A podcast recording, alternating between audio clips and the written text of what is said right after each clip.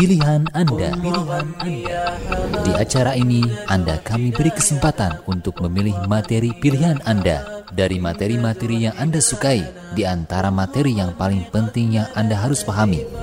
Selamat mengikuti. قم وغن قد مللنا زيف راية السلام زيف راية السلام غني للعرب جراح يا ترى من ذا الملام غزة الأبطال أمست تشتكي جور اللئام؟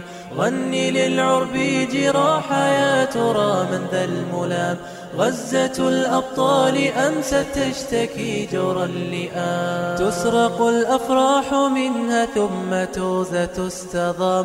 وكذا العدل فلا لا تشتكي هذا النظام. تسرق الأفراح منها ثم توزة تستضام.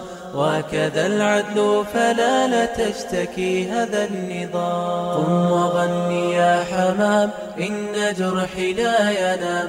قم وغني يا حمام إن جرحي لا ينام. قم وغني قد مللنا زيف راية السلام.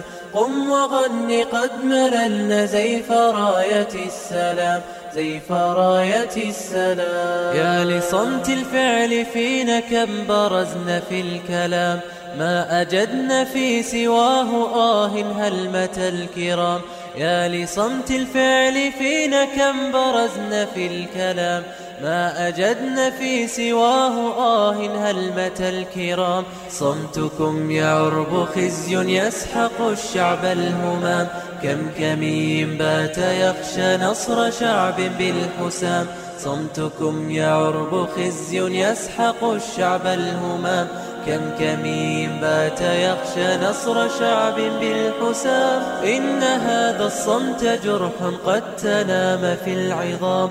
كيف نسلو المنايا مورقات للأنام. إن هذا الصمت جرح قد تنام في العظام. كيف نسلو المنايا مورقات للأنام. قم وغني يا حمام إن جرحي لا ينام. قم وغني يا حمام إن جرحي لا ينام. قم وغني قد مللنا زيف راية السلام. قم وغني قد مللنا زيف راية السلام. ذا جريح ذا شهيد في وصال الموتها حيث رب العرش يعطي خير أجر للكرام. حيث رب العرش يعطي خير أجر للكرام.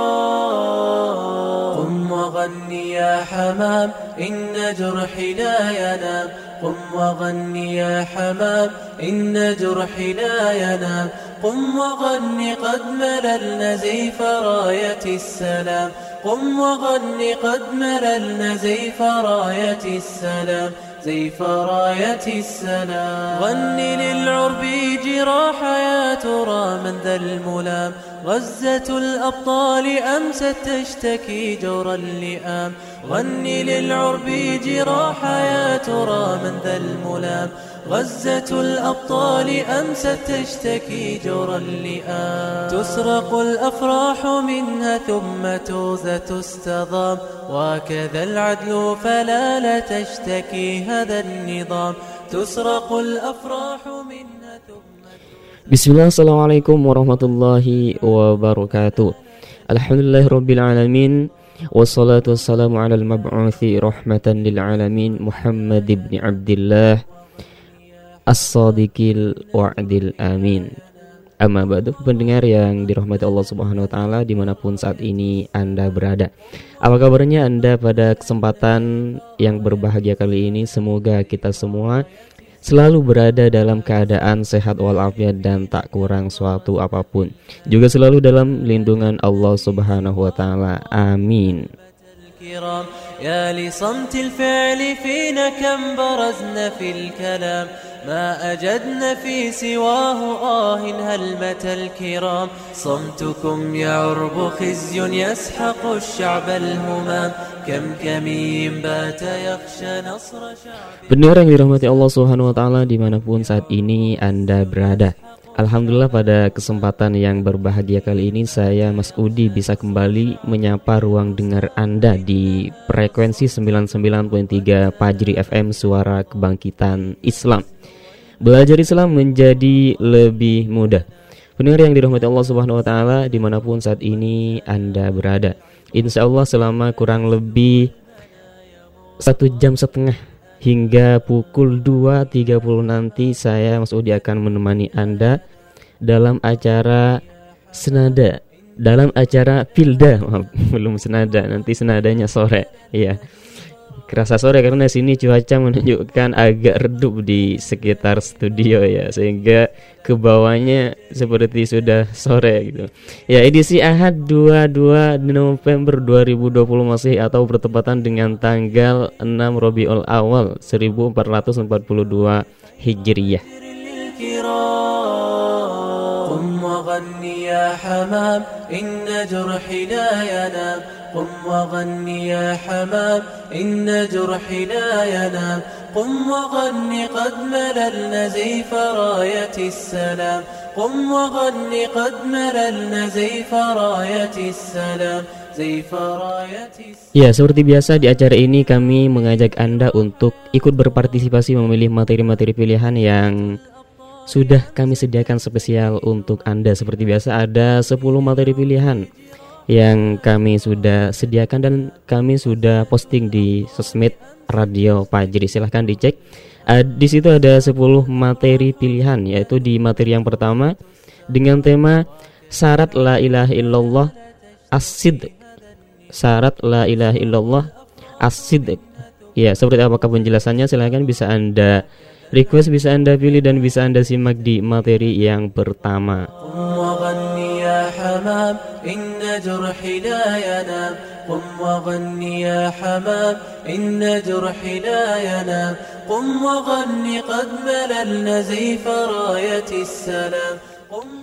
Disusul di materi berikutnya atau di materi yang kedua dengan tema penghuni surga mendapat bidadari. Ya, penghuni surga mendapat bidadari dan di materi yang ketiga dengan tema langkah-langkah setan dalam menginfor subhat dan syahwat.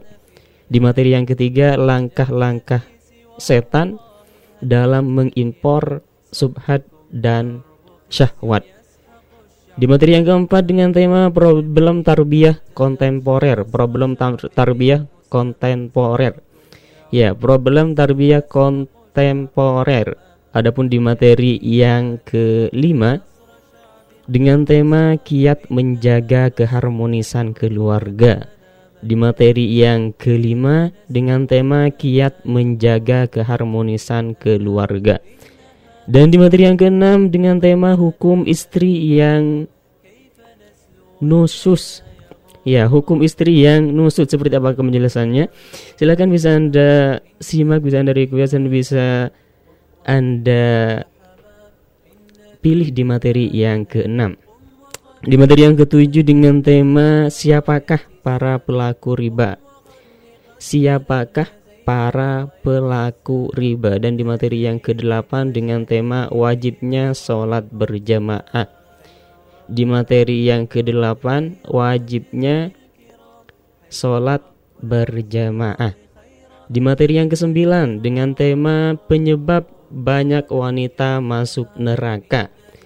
Di materi yang ke-9 dengan tema penyebab banyak wanita masuk neraka. Sekali lagi, di materi yang ke-9 penyebab banyak wanita masuk neraka. Dan di materi yang terakhir atau ke-10 dengan tema solusi hadapi masa jomblo, jodoh tak kunjung datang ya. Ya, di materi yang ke-10 atau yang terakhir dengan tema solusi hadapi masa jomblo, jodoh tak kunjung datang. Ya, adapun seperti apakah penjelasan dari ke-10 materi tersebut silahkan bisa Anda request, bisa Anda pilih, bisa Anda simak di ke-10 materi tersebut dengan mengirimkan pesan singkat ke 0811 11 10 993 0811 11 10 993 bisa via WhatsApp, SMS atau Telegram atau juga bagi Anda yang lagi on di Facebooknya. Silahkan bisa bergabung melalui Facebook atau via Facebook dengan cara mengirimkan atau komen atau mengirimkan pesannya di kolom komentar materi manakah yang ingin Anda pahami atau ingin Anda ulangi atau murojaah silahkan bisa Anda pilih sesuai dengan postingan yang telah kami posting dan sudah kami bacakan tadi. الكلام ما أجدنا في سواه آه هلمة الكرام يا لصمت الفعل فينا كم برزنا في الكلام ما أجدنا في سواه آه هلمة الكرام. صمتكم يعرب خزي يسحق الشعب الهمام. كم كمين بات يخشى نصر شعب بالحسام. صمتكم يعرب خزي يسحق الشعب الهمام كم كمين بات يخشى نصر شعب بالحسام. إن هذا الصمت جرح قد تنام في العظام. كيف نسلو المنايا مورقات للأنام. إن هذا الصمت جرح قد تنام في العظام. كيف نسلو المنايا مورقات للأنام؟ قم وغني يا حمام إن جرحي لا ينام. قم وغني يا حمام إن جرحي لا ينام. قم وغني قد مللنا زيف راية السلام. قم وغني قد مللنا زيف راية السلام. ذا جريح ذا شهيد في وصال الموتها. حيث رب العرش يعطي خير أجر للكرام. حيث رب العرش يعطي خير أجر للكرام. قم وغني يا حمام إن جرحي لا ينام. قم وغني يا حمام إن جرحي لا ينام قم وغني قد مللنا زيف راية السلام Ya benar yang dirahmati Allah SWT dimanapun saat ini Anda berada sebelum kita lanjut membacakan pesan-pesan yang sudah masuk Dan sudah ikut memilih materi pilihan pada acara Fildas yang kali ini Sebelumnya kita akan jeda terlebih dahulu Tap stay tune di 99.3 Fajri FM Suara Kebangkitan Islam Karena setelah ini kita akan segera kembali غزة الأبطال أمست تشتكي جرى اللئام تسرق الأفراح منها اصبر فإنك يا أسير شمس تدور لها Murnikan pengetahuan Islam Anda dengan selalu menyimak Radio Fajri. Jangan lewatkan acara-acara unggulan dengan beragam ilmu keislaman sebagai bekal meraih ketakwaan. Kuliah Islam Rasulullah SAW mengingatkan kita agar mempertahankan keilmuan kita tentang Islam itu sampai kita menemui kematian. Dalam setiap langkahnya ketika kita berangkat ke masjid itu akan meninggikan derajat itu. setiap hari pukul 5.30, pukul 10 dan pukul 16 waktu Indonesia Barat. Ngobrol perkara iman. Alhamdulillah ketemu lagi dengan saya Maulana di rubrik Ngobrol Perkara Iman. Kali ini tema kita bagaimana agar kehidupan penuh dengan barokah katanya Ustaz. Ketika seorang hamba ridho dengan apa yang sudah dibagi oleh Allah untuk dirinya, Setiap hari pukul 13 waktu Indonesia Barat. Tanya jawab SMS. Ada pertanyaan dari Ibu Aih Pak Ustadz bagaimana hukumnya Orang yang sholatnya bolong-bolong Perlu kita sadari bahwa sholat adalah kewajiban yang paling utama bagi setiap muslim. Setiap hari pukul 17 dan pukul 21 waktu Indonesia Barat. Talk show kesehatan. Faktor utama penyebab seseorang terkena ginjal tuh sebabnya apa nih dokter? Baik, ya yang pertama bisa karena darah tinggi, diabetes. Setiap hari Jumat pukul 20.30 waktu Indonesia Barat. Raih manfaat besar dengan menyimak acara-acara tersebut. Sebarkan media dakwah ini dan dapatkan pahala berlimpah. Fajri, suara kebangkitan Islam.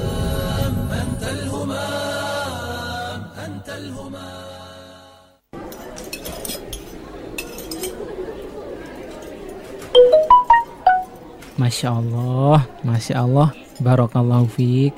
Kenapa ah? Ini pesan broadcast dari Radio Fajri. Wah, aneh kok nggak dapet ya? Padahal Aneh pendengar setia juga nih. Udah daftar belum? Lebih dekat dengan Radio Fajri, belajar Islam jadi lebih mudah.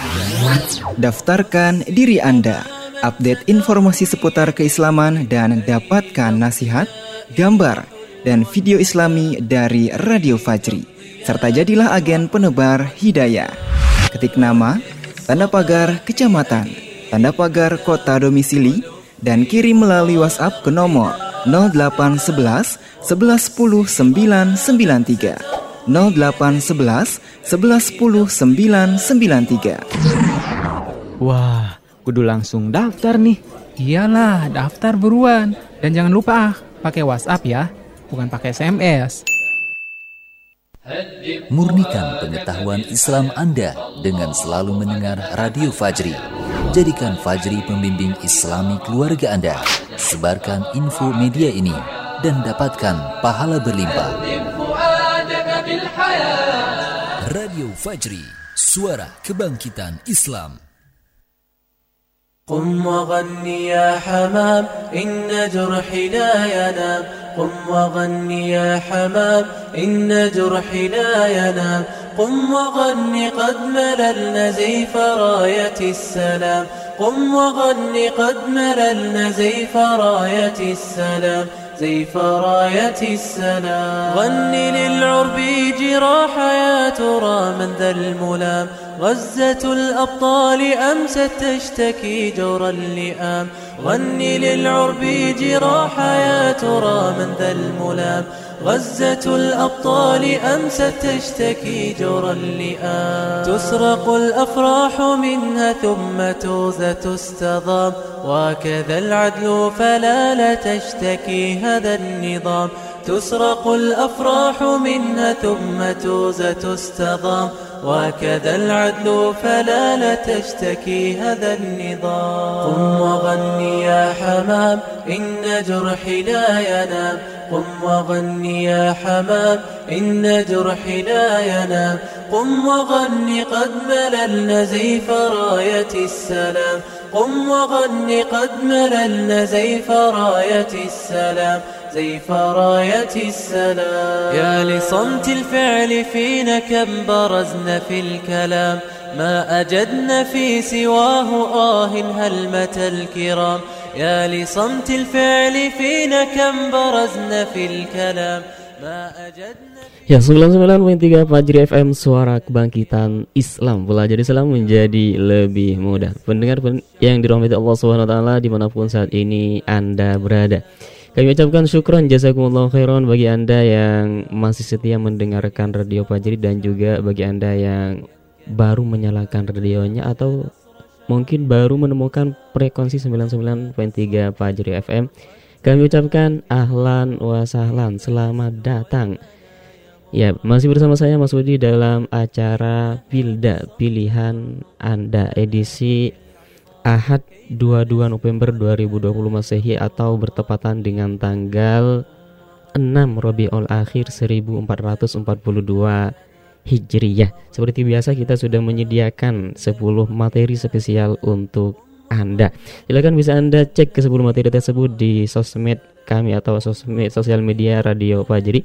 Di situ ada 10 materi pilihan. Di materi yang pertama dengan tema syarat la ilaha illallah asid. Dan di materi yang kedua dengan tema penghuni surga mendapat bidadari. Di materi yang ketiga dengan tema langkah-langkah setan dalam mengimpor subhat dan syahwat. Dan di materi yang keempat dengan tema problem tarbiyah kontemporer. Di materi yang kelima eh, dengan tema kiat menjaga keharmonisan keluarga. Di materi yang keenam dengan tema hukum istri yang nusut. Di materi yang ketujuh dengan tema siapakah para pelaku riba. Di materi yang kedelapan dengan tema wajibnya sholat berjamaah. Dan di materi yang kesembilan dengan tema penyebab banyak wanita masuk neraka Sedangkan di materi yang terakhir atau ke-10 dengan tema solusi hadapi masa jomblo, jodoh tak kunjung datang. Seperti apa penjelasan dari ke-10 materi tersebut? Silahkan bisa Anda request, bisa Anda pilih dan bisa Anda simak di hanya di Radio Fajri. Silahkan bisa Anda kirimkan pesan singkat ke 0811 11 10 993 0811 11 10 993 materi manakah yang paling menarik pada acara Pilda kali ini silahkan bisa anda langsung kirimkan حمام إن جرحي لا ينام قم وغني يا حمام إن جرحي Baik, kita langsung bacakan pesan-pesan yang sudah masuk dan sudah ikut memilih materi pilihan pada acara Pilda kali ini. Kita mulai dari WhatsApp. Ada siapa ini?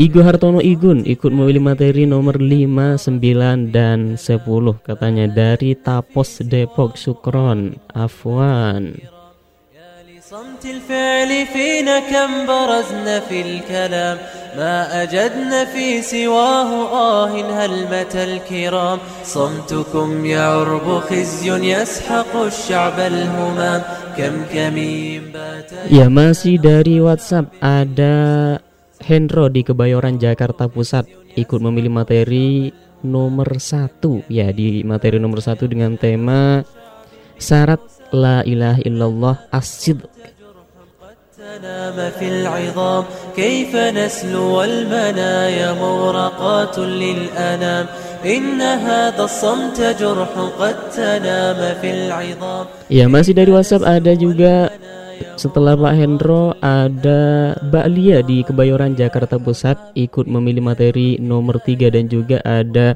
Bu Suryaningsi di Rawalumbu Bekasi Timur ikut memilih materi nomor 4 ada Pak Hendi Suhendi di Jalan Pandega 1 ikut memilih materi nomor 2 dan ada juga Mas Muiz di Jalan Pandega 1 ikut memilih materi nomor 5 terus ad, masih dari WhatsApp ada Mas Rizky di Jalan Pandega 1 ikut memilih materi nomor 7 dan juga ada Mas Aziz di Jalan Pandega 1 atau di Pandega 1 ikut memilih materi nomor 6 قم وغن يا حمام إن جرحي لا ينام قم وغن قد مللنا زيف راية السلام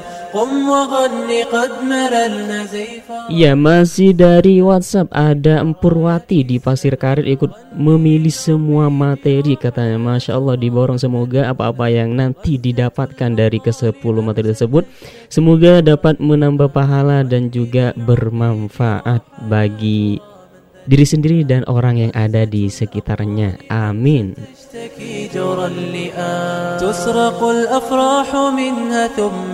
Iya masih dari WhatsApp ada Mama Ayi di Jati Padang Pasar Minggu. Katanya ikut memilih materi nomor 3, 5, 6, 7, 9, 10 katanya. Hatur nuhun ya sami-sami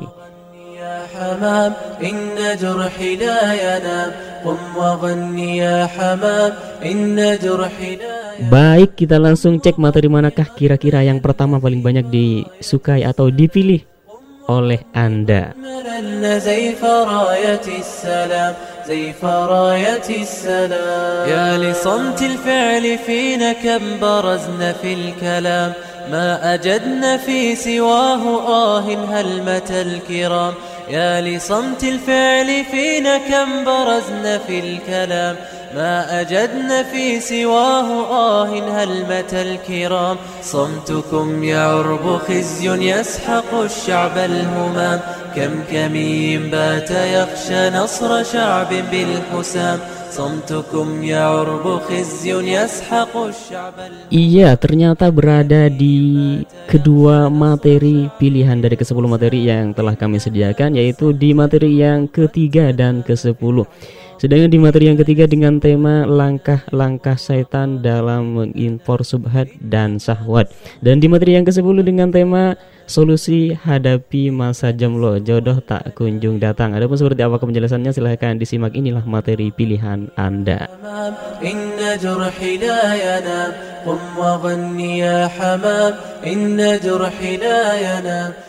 Pilihan Anda. Pendengar yang budiman, Allah Subhanahu wa taala berfirman di dalam surah Al-Baqarah ayat 168 sampai 169 yang jika kita renungkan maka kita akan dapati sebuah ayat-ayat Allah Subhanahu wa taala yang menegaskan tentang realita kehidupan kita. Allah Subhanahu wa taala berfirman, "A'udzu billahi samiil alim minasyaitonir rajim.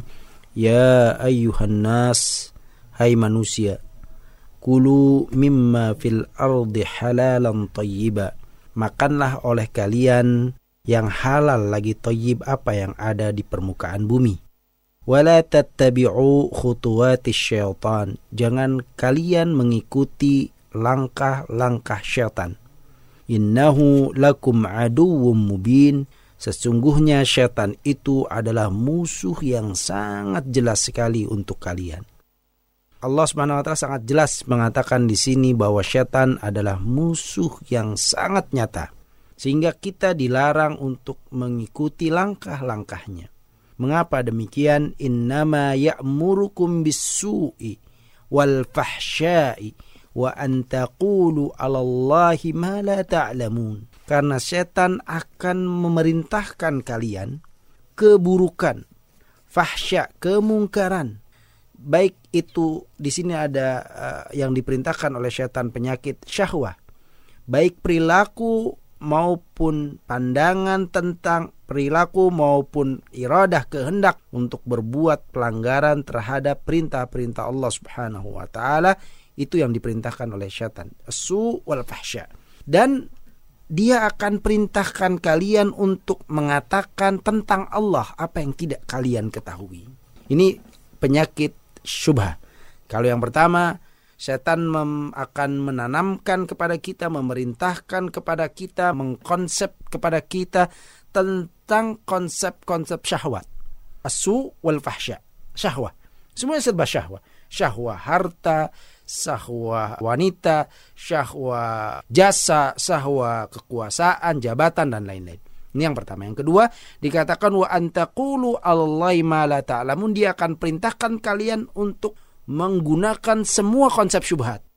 Apa yang bertentangan dengan Islam, apa yang bertentangan dengan wujud hakikinya, itu semuanya diperintahkan oleh syaitan. Dari sinilah kita ingin berbicara dan melihat realita yang Allah Subhanahu wa taala firmankan bahwa langkah-langkah syaitan itu meliputi perintah untuk melakukan syubha dan perintah untuk melakukan syahwat. Kita lihat di masa-masa sekarang ini, saya ingin menyebutkan sedikitnya sembilan impor yang dilakukan oleh syaitan dan junudnya tentara-tentaranya, loyalis-loyalisnya, para plagiatnya, para simpatisannya ya, melakukan langkah-langkah impor. Ini kita yang sedang berada di sebuah negara ya, kita di sini Indonesia. Maka kita sebut impor karena dia datang dari luar ke dalam uh, masyarakat kita yang sebenarnya secara hakiki mayoritas masyarakat kita adalah masyarakat kaum muslimin sehingga perubahan yang terjadi adalah akibat munculnya impor-impor dua hal tadi syubhat dan syahwat. Satu dari impor syubhat dan syahwat yang dilakukan oleh syaitan dengan berbagai tentara simpatisan para loyalis dan plagiatnya adalah impor ideologi bentuk dan simbol loyalitas.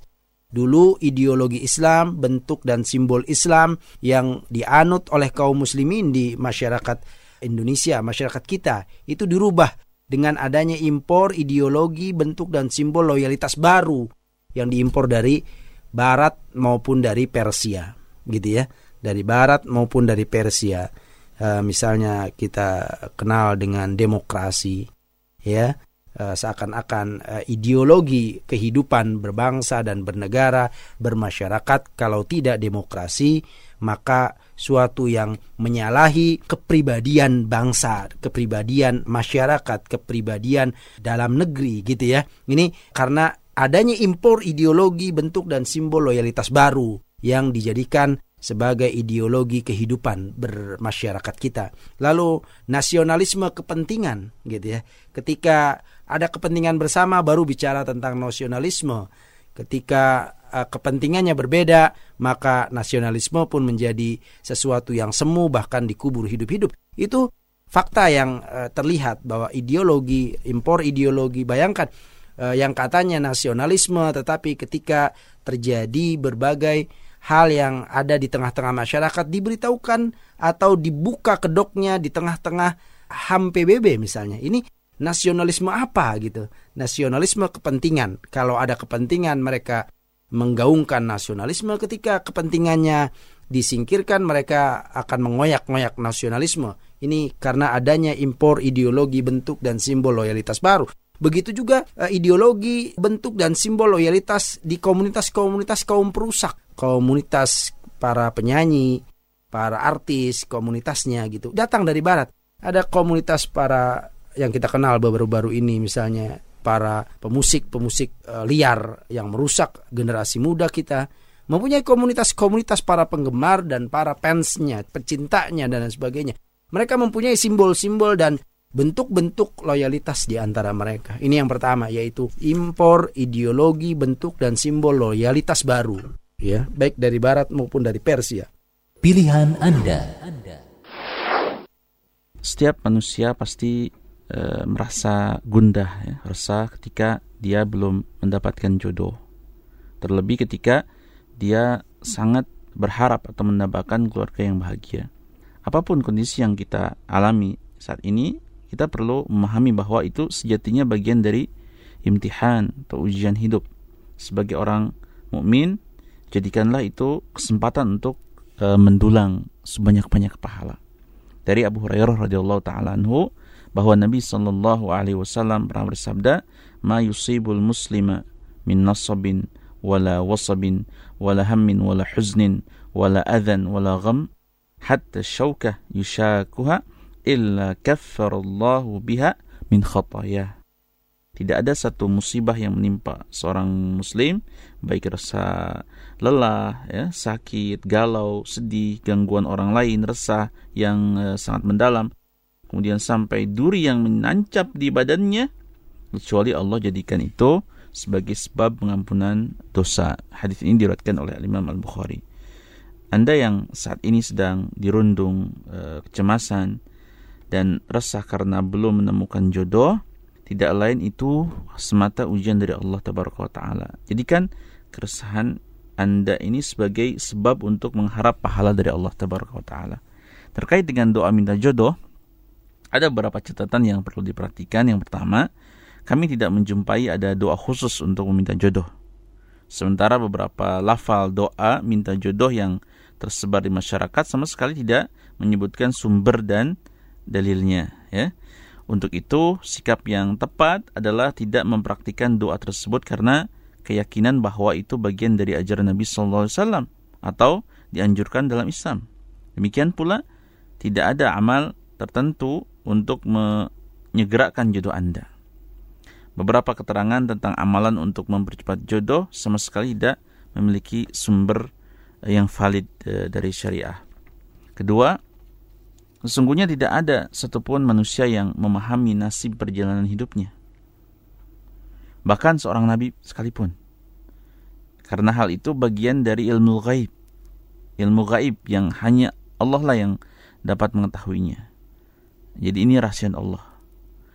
Allah Ta'ala berfirman menceritakan tentang Nabi Muhammad SAW walau kuntu a'lamul ghaib lastakthartu minal khairi wa ma massani su' Andaikan aku tahu hal gaib, tentu aku akan berusaha memperbanyak mendapatkan hal yang baik dan aku tidak akan tertimpa kemiskinan atau keburukan. Kaitannya dengan hal ini, tujuan sungguhnya kita menikah adalah untuk mendapatkan kebahagiaan hidup, bukan semata-mata menikah.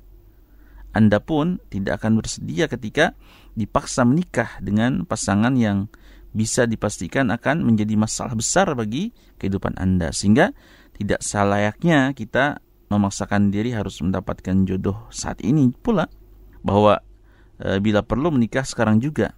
Untuk itu doa yang baik adalah doa yang diistilahkan dengan jawami' doa. Doa yang kalimatnya padat namun luas maknanya.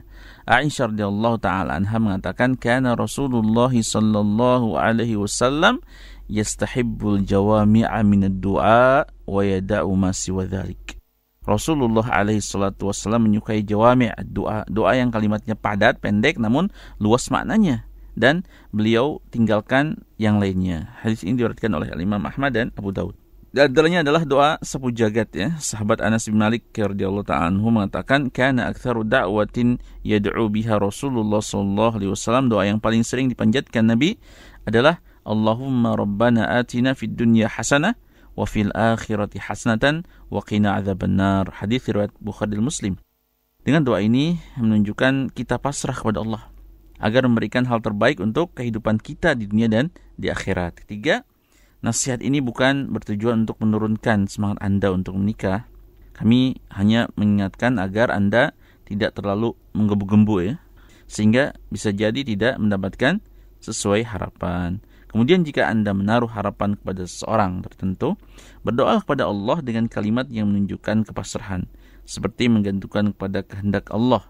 Sebagai contoh misalnya, Ya Allah, jika dia baik untukku di dunia dan akhirat, jadikanlah dia pasangan hidupku dunia akhirat.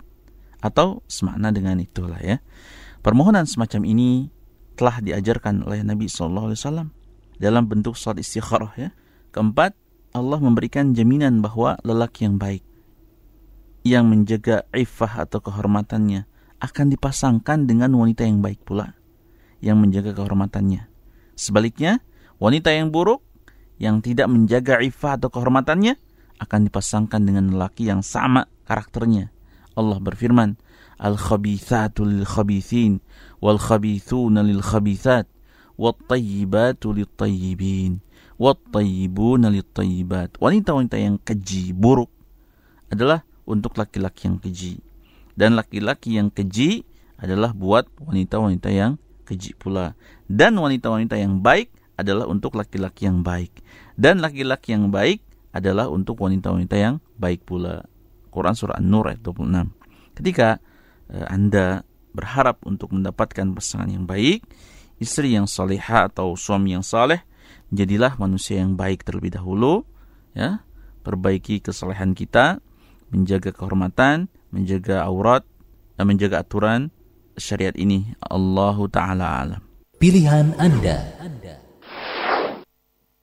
قم وغني يا حمام إن جرحي لا ينام قم وغني يا حمام إن جرحي لا ينام قم وغني قد مللنا زيف راية السلام. قم وغني قد مللنا زيف راية السلام. زيف راية السلام. غني للعرب جراح يا ترى من ذا الملام. غزة الأبطال أمست تشتكي جور اللئام. غني للعرب جراح يا ترى من ذا الملام. غزة الأبطال أمست تشتكي جور اللئام تسرق الأفراح منها ثم توزة تستضام. وكذا العدل فلا لا تشتكي هذا النظام. تسرق الأفراح منها ثم توزة تستضام. Iya, itulah materi pilihan Anda berada di dua materi yaitu di materi yang ketiga dan ke-10 di materi yang ketiga dengan tema langkah-langkah setan dalam mengimpor subhat dan syahwat dan di materi yang ke-10 dengan tema solusi hadapi masa jomblo jodoh tak kunjung datang. Kami ucapkan syukron jazakumullah khairan bagi Anda yang telah ikut memilih materi pilihan terkhusus di materi yang ketiga dan ke-10 semoga bermanfaat dan menambah pahala dan juga ditunggu untuk berpartisipasi kembali atau bergabung kembali di acara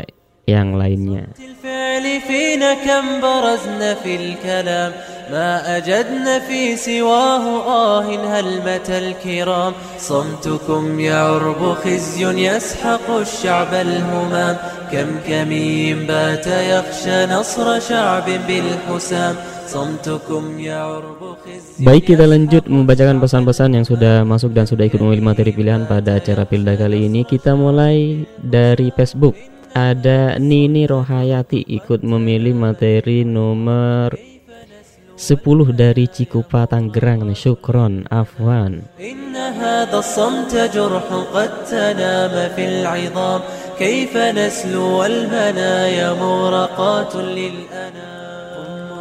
Masih dari Facebook setelah Nini Rohayati ada Rizka Amalia dari Bogor. Pesannya Ikut memilih materi nomor 3, 6, dan 9 Sukron Afwan قد مللنا زيف راية السلام ذا جريح ذا شهيد في وصال الموتها حيث رب العرش يعطي خيرا Iya masih dari Facebook ada Lilis Handayani Nama akun Facebooknya dari Bekasi Kita ikut memilih materi nomor 6 Iya, di materi yang keenam dengan tema hukum istri yang nusut.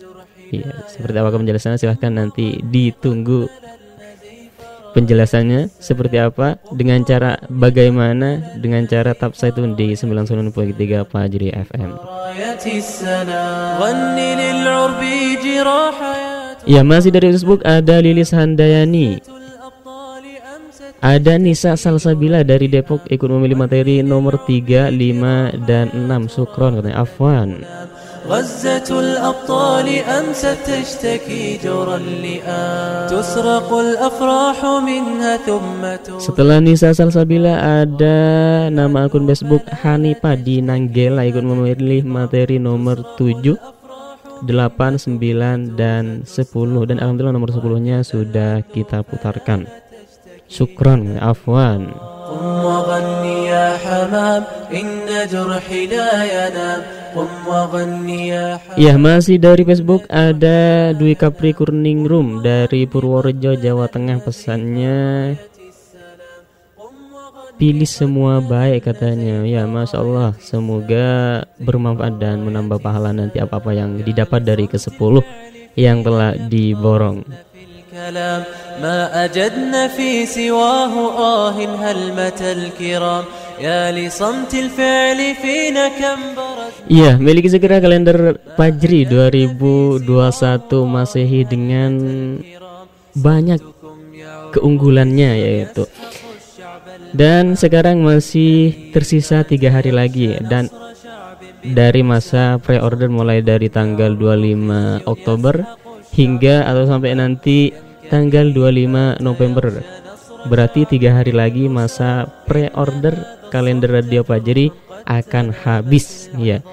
Apa sih keuntungannya bagi Anda yang pre-order? Yaitu yang pertama dapat diskon 20% dan bonus stiker dakwah Fajri, bonus buku zikir pagi dan petang untuk 200 pembeli pertama dan juga bonus masker Fajri FM untuk 200 pembeli pertama.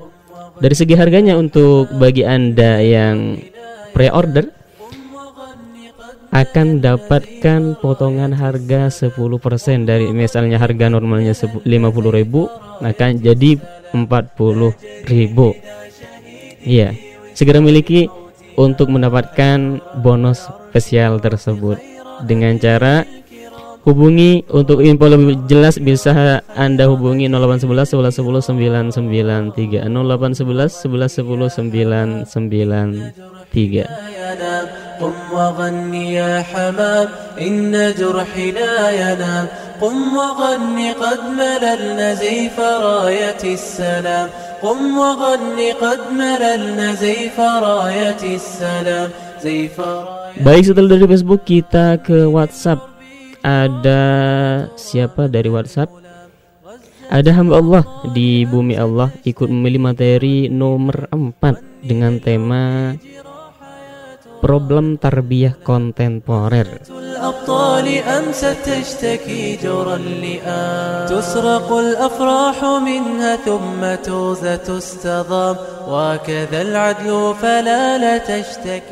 Iya, masih dari WhatsApp. ada hamba Allah lagi. Pesannya ikut memilih materi nomor 6 katanya. Di materi yang keenam dengan tema hukum istri yang nusut.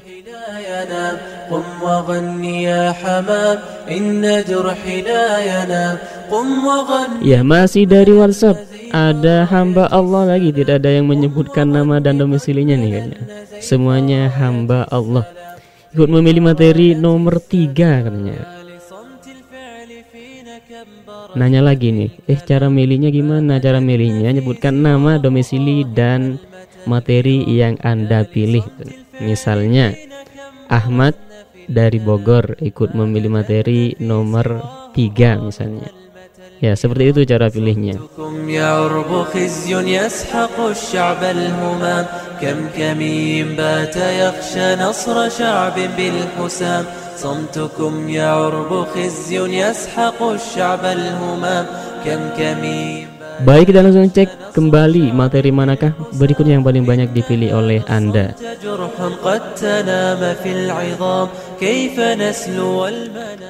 Iya, ternyata berada di materi yang pertama dan keempat. Di materi yang pertama dengan tema syarat la ilaha illallah asid dan di materi yang keempat dengan tema Problem tarbiyah kontemporer seperti apakah penjelasannya? Silahkan disimak inilah materi pilihan Anda.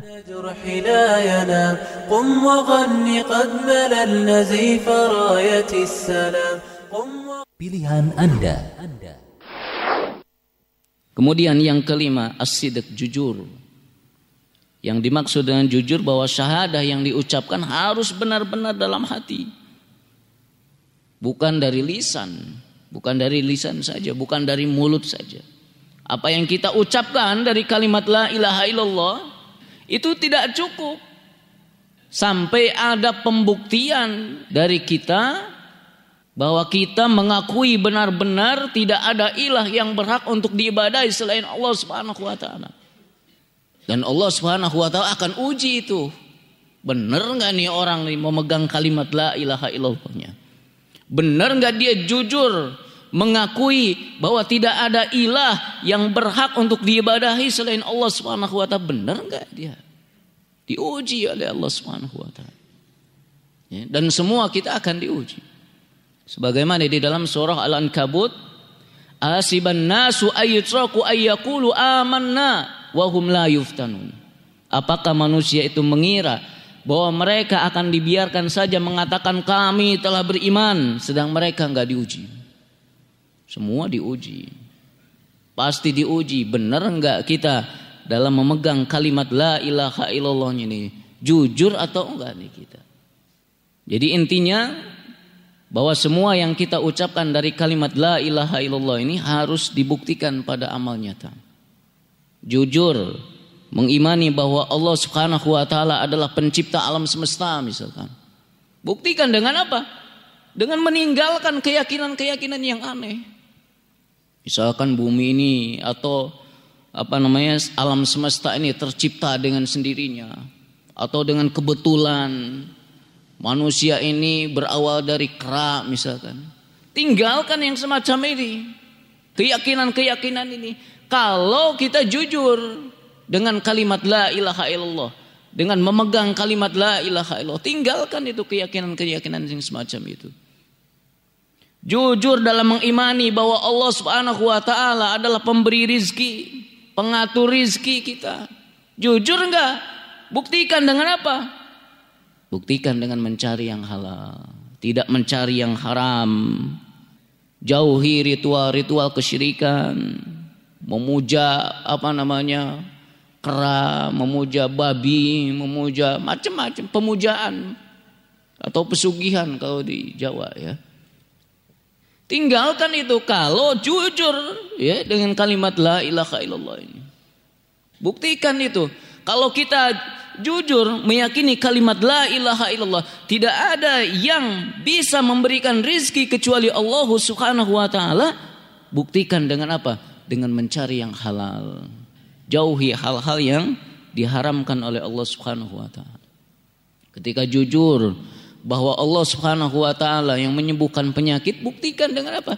Menjauhi dukun dalam pengobatan-pengobatan itu. Banyak ya yang harus kita buktikan ya tentang kejujuran kita memegang kalimat la ilaha illallah dan juga salah satu bentuk kejujuran kita tadi memperjuangkannya mendakwahkannya mengagungkannya ini bagian dari bukti kejujuran seseorang dalam memegang kalimat la ilaha illallah Rasulullah Shallallahu alaihi wasallam bersabda ma min ahadin Yashhadu an la ilaha illallah wa anna Muhammadar Rasulullah sidqan min qalbihi illa harramahullahu 'alan nar. Tidaklah seorang yang bersyahadah la ilaha illallah dan Muhammad adalah utusan Allah dengan benar di dalam hatinya, jujur di dalam hatinya, melainkan Allah mengharamkan neraka baginya. Ini balasan bagi orang yang sidak di dalam hatinya terkait dengan kalimat la ilaha illallah. Dia akan selamat dari neraka.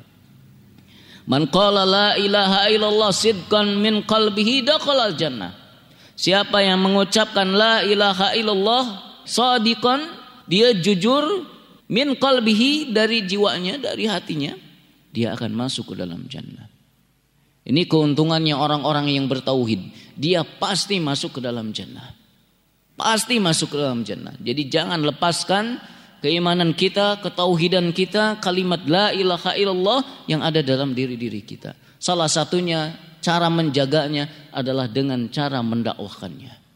Maka itu akan terjaga di dalam jiwa-jiwa kita insya Allah. Pilihan Anda. Para pendengar yang budiman kaum muslimin dan muslimat yang dirahmati Allah subhanahu wa ta'ala. Di kesempatan kali ini insya Allah kita akan sama-sama menyoroti dan sama-sama mengkaji tentang problematika tarbiyah kontemporer kita saat ini. Yaitu berkaitan dengan tarbiyah Islamiyah yang rodanya, prosesnya insya Allah telah berjalan pada diri kita masing-masing. Sedang berjalan dan akan terus berjalan. Itu yang kita harapkan.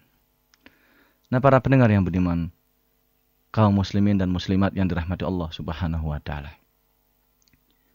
Ada mungkin tiga realita yang insya Allah tidak usah melirik kepada orang lain. Kita saja yang disorot dan dilirik. Realita yang pertama adalah Mudah-mudahan kita termasuk orang yang gemar membaca buku-buku Islam. Khususnya buku-buku yang berisi tentang wawasan keislaman dasar kita.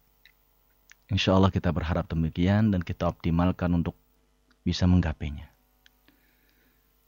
Tiba-tiba karena satu dan lain hal, kita males.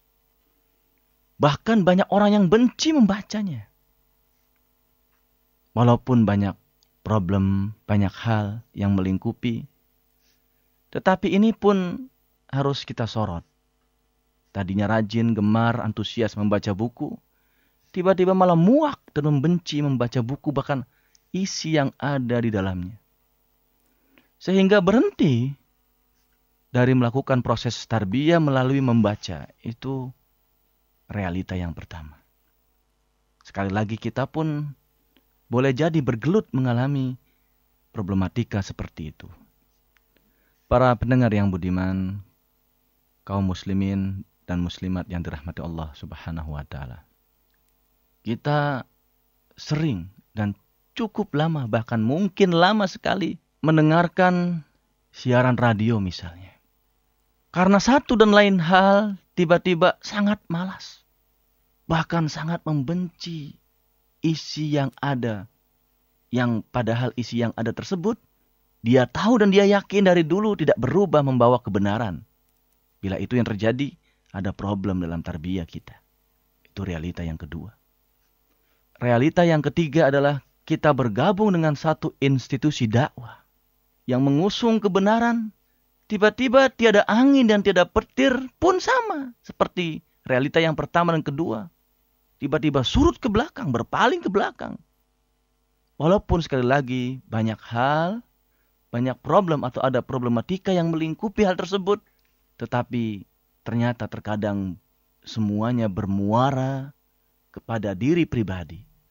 Pergolakan pribadi, problematika pribadi yang besar ataupun kecil biasanya berkaitan dengan problematika batin ataupun psikologis.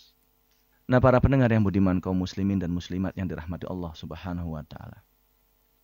Bila di sela-sela aktivitas, aktivitas kehidupan yang kita lakoni, dan proses tarbiyah yang kita jalani, seperti tadi membaca buku yang pertama, mendengarkan radio, bergabung, berintima kepada sebuah lembaga ataupun institusi dakwah. Lantas tiba-tiba ada keminiman untuk antusias kembali. Lantas terjadi surut ke belakang, ketidakpedulian.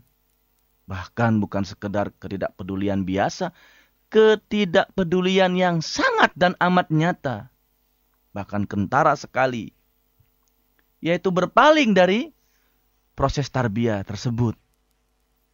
Nah, kenapa? Apa yang menyebabkan? Mengapa bisa demikian? Nah, para pendengar yang budiman, kaum muslimin dan muslimat yang dirahmati Allah Subhanahu wa taala. Selain karena ada invasi ataupun problematika dari eksternal, tentunya kita pun tidak boleh meluputkan ada faktor internal. Faktor internal dalam diri kita boleh jadi ketergantungan yang sangat kepada orang lain. Sehingga harus Ustadz A yang menyampaikan. Sehingga harus materi B yang disampaikan. Sehingga harus di tempat C tempat penyampaiannya, dan lain-lain lainnya. Yang disalahkan faktor-faktor tadi A, B, dan C. Saya malas adalah karena ini dan itu. Saya tidak peduli adalah karena ini dan itu. Boleh jadi betul para pendengar yang budiman kaum muslimin dan muslimat yang dirahmati Allah Subhanahu wa taala. Tetapi yang kita sorot pada kesempatan kali ini melalui tema bersama kita yaitu problematika tarbiyah kontemporer adalah sebetulnya semuanya bermuara kepada diri. Kepada pribadi kita. Kepada aku. Kepada keakuan kita. Nah inilah yang oleh para ulama diungkapkan sebagai tarbiyah zatiyah. Yaitu proses pembinaan diri atau ta'alum dhati. Yaitu proses belajar sendiri, mandiri. Nah para pendengar yang budiman, kaum muslimin dan muslimat yang dirahmati Allah subhanahu wa ta'ala. Faktor apa saja yang menyebabkan kita seakan-akan menikmati problematika tersebut. Sehingga kita tidak memberikan porsi dan perhatian yang maksimal terhadap pembinaan diri kita dari kita, oleh kita, dan untuk kita. Dari kita semuanya. Oleh kita semuanya dan untuk kita semuanya. Pilihan Anda. قم وغني يا حمام إن جرحي لا ينام. قم وغني يا حمام إن جرحي لا ينام. قم وغني قد مللنا زيف راية السلام. قم وغني قد مللنا زيف راية السلام. زيف راية السلام غني للعرب جراح يا ترى من ذا الملام غزة الأبطال أمست تشتكي جور اللئام غني للعرب جراح يا ترى من ذا Iya, itulah materi pilihan Anda berada di materi yang pertama dan keempat. Di materi yang pertama dengan tema syarat la ilaha illallah asid dan di materi yang keempat dengan tema problem tarbiyah kontemporer. Baik, kita lanjut bacakan pesan-pesan berikutnya. وكذا العدل فلا لا تشتكي هذا النظام قم وغني يا حمام إن جرحي لا ينام Ya dari telegram ada Muhammad Haidaril Iltizam Ikut memilih materi nomor 9 dengan tema penyebab banyak wanita masuk neraka.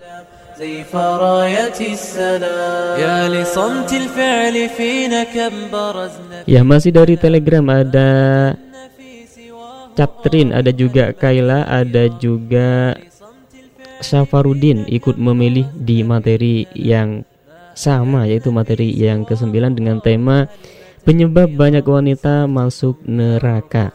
خزي يسحق الشعب الهمام كم كمين بات يخشى نصر شعب بالحسام صمتكم يا عرب خزي يسحق الشعب الهمام كم كمين بات يخشى Di pemilih berikutnya masih dari Telegram ada Won 41 nama akun Telegramnya ikut memilih materi nomor 7 dengan tema siapakah para pelaku riba. كيف نسلو والمنايا مغرقات للأنام قم وغني يا حمام Ya, di pemilih berikutnya masih dari Telegram. Ada nama akun Telegram Adi99 ikut memilih materi nomor 1 dengan tema syarat la ilaha illallah asid dan alhamdulillah materi tersebut sudah kita putarkan.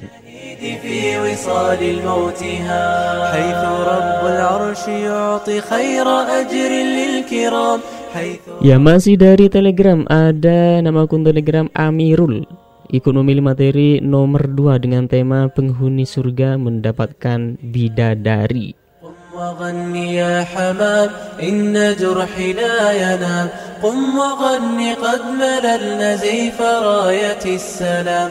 قم وغني قد مللنا زيف راية السلام. سيف راية السنا.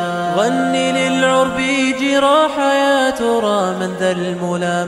غزة الأبطال أمست تشتكي جور اللئام. غني للعرب جراح ما سيدار ذا الجرام أدا Sityo Nugroho Assegap dari Rawalumbu, Bekasi Timur ikut memilih materi nomor 10 Dan alhamdulillah nomor 10-nya sudah kita putarkan.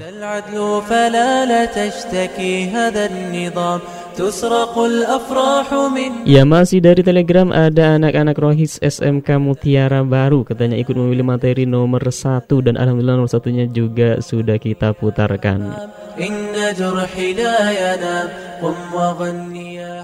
Ada di materi yang ke-9 atau ikut memilih materi yang kesembilan ada Mas Yunan di Batu Air Narogong Bekasi Timur katanya.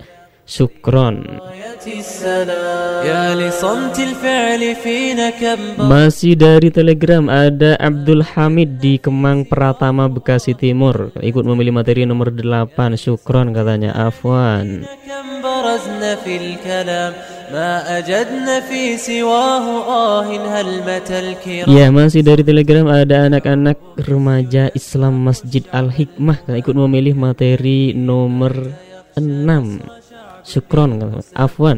صمتكم يا عرب خزي يسحق الشعب الهمام كم كمين بات يخشى نصر شعب بالحسام إن هذا الصمت Ya masih dari Telegram ada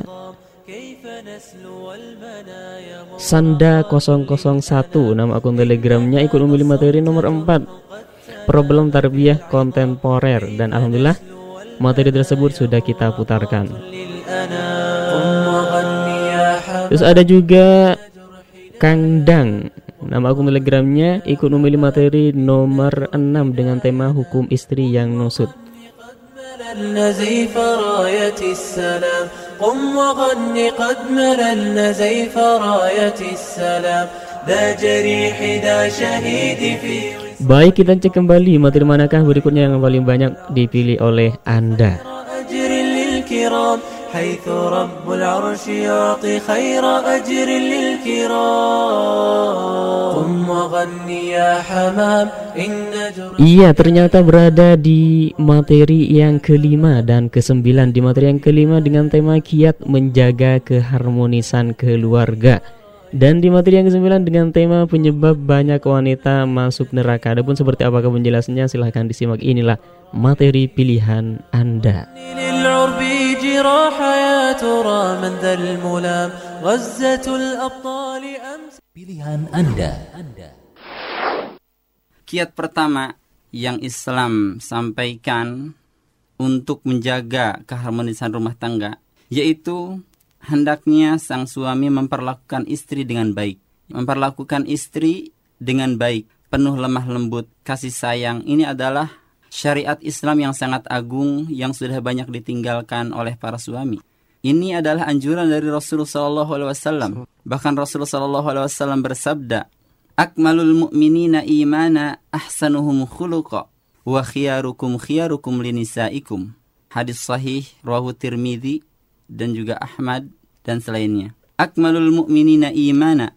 Orang mukmin yang paling sempurna imannya ahsanuhum khuluqa, yaitu mereka yang paling baik akhlaknya.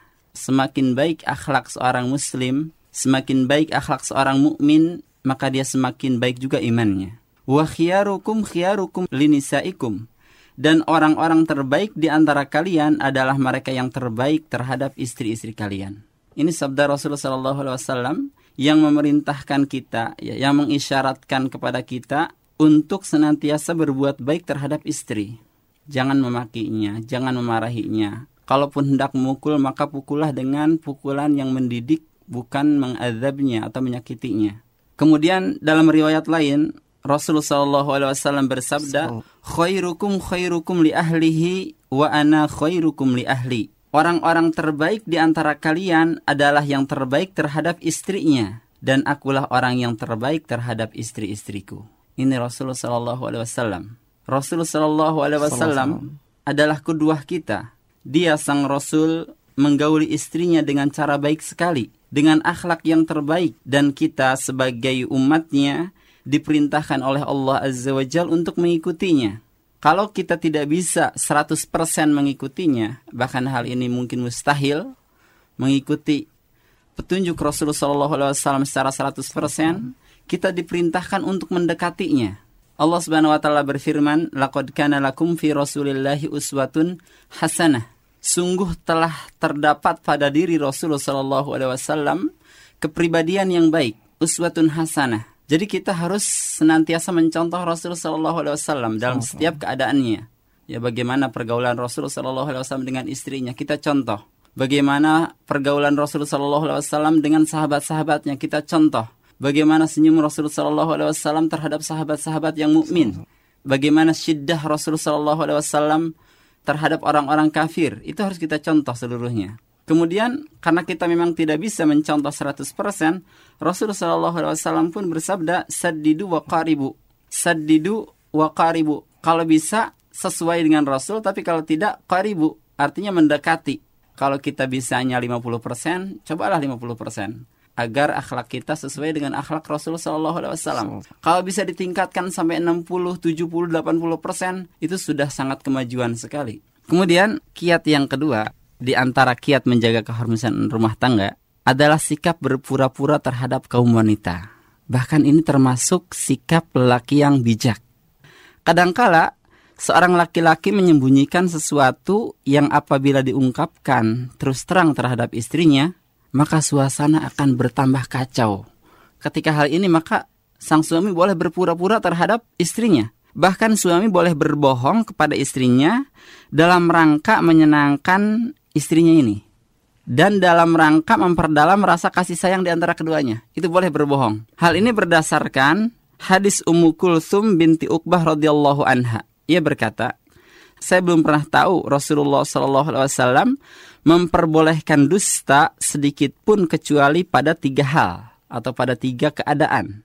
Ya dia mengatakan Rasulullah SAW bersabda ya, la a'udduhu kadhiban ar-rajulu yuslihu bainan nas. Yaqulul kaula wa la yuridu bihi ilal islah. Saya tidak menganggapnya satu kedustaan, kata Rasul, saya tidak menganggapnya satu kedustaan, yaitu seorang laki-laki yang mengislah di antara manusia atau memperbaiki, mendamaikan di antara manusia. Dia mengatakan satu perkataan dan dia tidak menginginkan perkataan ini kecuali perdamaian. Itu boleh. Ketika kita mendamaikan di antara dua orang, kita boleh berbohong. Seperti kita mengatakan, eh, akhi, si fulan minta maaf kepada antum. Padahal dia tidak meminta maaf. Tapi ini ingin mengislah di antara keduanya. Ini tidak ditulis sebagai satu kadhib tidak dianggap satu bohong kata Rasulullah sallallahu alaihi wasallam. Kemudian yang kedua warrajulu yaqulu fil harb. Ya, seorang rajul, seorang laki-laki yang berbicara ketika perang, mengelabui musuh, ini boleh dilakukan. Dan ini pun tidak ditulis sebagai satu kebohongan yang tercela ketika kita mengelabui musuh. Bahkan jujurnya kita kepada musuh akan mengancam keamanan kita. Tidak boleh kita jujur kepada musuh. Kita harus berbohong, berdusta kepada musuh. Kemudian warrajulu yuhadditsu mar'atahu wal mar'atu tuhadditsu zaujaha. Yang terakhir bohong yang diperbolehkan yaitu seorang rajul, seorang suami berkata terhadap istrinya dan seorang istri berkata kepada suaminya. Tentu bohong di sini bukan tipu muslihat. Sebagaimana yang dikatakan oleh Imam Nawawi rahimahullah ketika mensyarah hadis ini dia mengatakan adapun masalah bohongnya suami kepada istrinya dan berbohongnya istri kepada suaminya maksudnya adalah dalam kaitannya mengungkapkan rasa cinta dan sejenisnya. Mengungkapkan rasa cinta dan sejenisnya. Adapun bohong yang berbau tipu muslihat untuk menghalangi hak salah satu dari keduanya atau dalam rangka merampas yang bukan haknya, maka hal itu diharamkan menurut kesepakatan kaum muslimin. Ini menurut Imam Nawawi rahimahullah. Sangat jelas sekali dia menjelaskan hadis ini. Bohong untuk menambah rasa cinta. Ini diperbolehkan. Diperbolehkan misalkan ya realita yang ada mungkin terkadang istri ini memasak agak asin sayur ini. Jangan kita jujur. Jangan kita jujur mengatakan ini asin amat sih, seperti air laut aja, gitu kan? Ini kejujuran kita terhadap istri ketika itu itu akan mematahkan semangat istri untuk memasak di dapur misalkan. Jadi tidak mau masak lagi. Ketika kita jujur dalam keadaan semacam ini, maka harus kita berbohong ketika ini. Bersabar lillahi ta'ala gitu ya. Untuk menyenangkan hati istri, bersabar saja dan mengatakan ini adalah sayur yang paling lezat, yang paling enak. Ini satu kiat-kiat yeah. Islam yang sangat dianjurkan oleh din kita ini, oleh Islam agar kehidupan rumah tangga tetap harmonis. Mungkin ini bisa saya sampaikan. Pilihan Anda. Ya ma'asyarun nisa, tasoddakna wa aksirnal istighfar, fa inni ra'aitu kunna aksar ahlin nar. Faqalat imra'atun minhunna jazlah, wa ma lana ya Rasulullah aksar ahlin nar? Qala tuksirna la'n wa takfurna al-ashir. Wahai kaum wanita, bersedekahlah kalian dan perbanyaklah istighfar, yakni mohon ampun kepada Allah. Karena sungguh aku melihat bahwa penghuni neraka yang paling banyak adalah dari kalangan wanita. Lalu seorang wanita yang cerdas di antara mereka bertanya, Mengapa kami menjadi penghuni neraka yang paling banyak, wahai Rasulullah? Beliau pun menjawab, Karena kalian sering melaknat dan mengingkari kebaikan suami. Hadis riwayat Imam Muslim. Nah, dalam hadis ini Nabi Shallallahu Alaihi Wasallam memberikan peringatan bahwa banyak dari kaum wanita itu kufur yakni mengingkari kebaikan pemberian suaminya. Suaminya telah memberikan nafkah dengan semestinya kepada istrinya, namun ketika suaminya melakukan sedikit saja kesalahan, maka kejelekanlah yang hadir di depan mata istrinya. Sehingga hal itu menutupi semua kebaikan yang telah dilakukan suaminya tersebut. Nah, istri yang kufur, mengingkari kebaikan suami terhadapnya, maka inilah yang bakal menjadi penghuni neraka sebagaimana yang disebutkan oleh Nabi Shallallahu alaihi wasallam. Bahkan dalam hadis yang lain setelah selesai dari sholat gerhana, Nabi Shallallahu Alaihi Wasallam bersabda mengisahkan atau menggambarkan tentang surga dan neraka yang diperlihatkan kepada beliau ketika sholat. Beliau bersabda, "Waro'aitun النَّارِ falam أَرَوْكَ الْيَوْمِ yaumi manzoron qattu, waro'aitu aksar ahlihan nisa." Qalu lima ya Rasulullah? Qala bi kufrihinna Qila yakfurna billah? Qala yakfurna al-ashir wa yakfurna al-ihsan law ahsanta ila ihdahunna dahra thumma ra'at minka syai'an qalat ma ra'aitu minka khairun qattu. Dan aku melihat neraka. Aku belum pernah sama sekali melihat pemandangan seperti hari ini. Nah, aku lihat ternyata mayoritas penghuninya adalah kaum wanita. Lalu para sahabat bertanya, Kenapa para wanita menjadi mayoritas penghuni neraka ya Rasulullah? Maka beliau menjawab, disebabkan kekufuran mereka. Ada yang bertanya kepada beliau, apakah para wanita itu kufur kepada Allah? Beliau menjawab, tidak, melainkan mereka kufur kepada suami dan mengingkari kebaikan suami. Seandainya engkau berbuat baik kepada salah seorang istri kalian pada suatu waktu, kemudian suatu saat ia melihat darimu ada sesuatu yang tidak berkenan di hatinya, niscaya dia akan berkata, Aku sama sekali belum pernah melihat kebaikan darimu. Hadis ini diriwayatkan oleh Imam Bukhari dan Muslim. Nah pendengar, jadi yang dimaksud dengan kufur dalam hadis ini bukan maksud keluar dari Islam. Akan tapi yang dimaksud adalah kufranul hukuk, yakni istri yang tidak mau memenuhi kewajiban terhadap suami dan istri yang tidak mau berterima kasih terhadap kebaikan dari suaminya. Jadi pendengar, yang dimaksud kufur dalam hadis ini bukan maksudnya keluar dari Islam. Akan tapi yang dimaksud adalah kufranul hukuk, yakni istri yang tidak mau memenuhi kewajiban terhadap suaminya. Jadi bukan kufur terhadap Allah ya.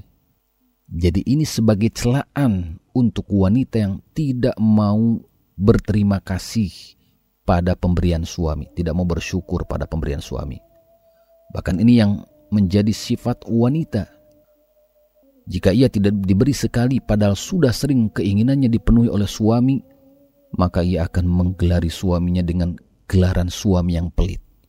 Wanita itu akan berkata, Aku sama sekali belum pernah melihat kebaikan darimu. Seakan-akan hujan setahun benar-benar tidak teranggap dikarenakan adanya kemarau sehari. Pilihan Anda. قم وغني يا حمام إن جرحي لا ينام قم وغني يا حمام إن جرحي لا ينام قم وغني قد مللنا زيف راية السلام قم وغني قد مللنا زيف راية السلام زيف راية السلام غني للعرب Iya, itulah materi pilihan Anda berada di materi yang kelima dan kesembilan. Di materi yang kelima dengan tema kiat menjaga keharmonisan keluarga. Dan di materi yang kesembilan dengan tema penyebab banyak wanita masuk neraka kami ucapkan syukron jazakumullah khairan bagi Anda yang telah ikut memilih terkhusus yang telah ikut memilih materi di materi yang kelima dan kesembilan. Semoga bermanfaat dan menambah pahala dan juga ditunggu untuk berpartisipasi kembali di acara yang lainnya. وكذا العدل فلا لا تشتكي هذا النظام قم وغني يا حمام إن جرحي لا ينام قم وغني يا حمام إن جرحي Baik, kita lanjut membacakan pesan-pesan yang sudah ikut memilih. Kita mulai dari WhatsApp. Ada ibu-ibu katanya. Tidak ada namanya, cuma ibu-ibu doang. Masih umum. Ikut memilih materi nomor 1, 2, 1 3 5 7 9 Ya makasih banyak katanya. Ya sama-sama.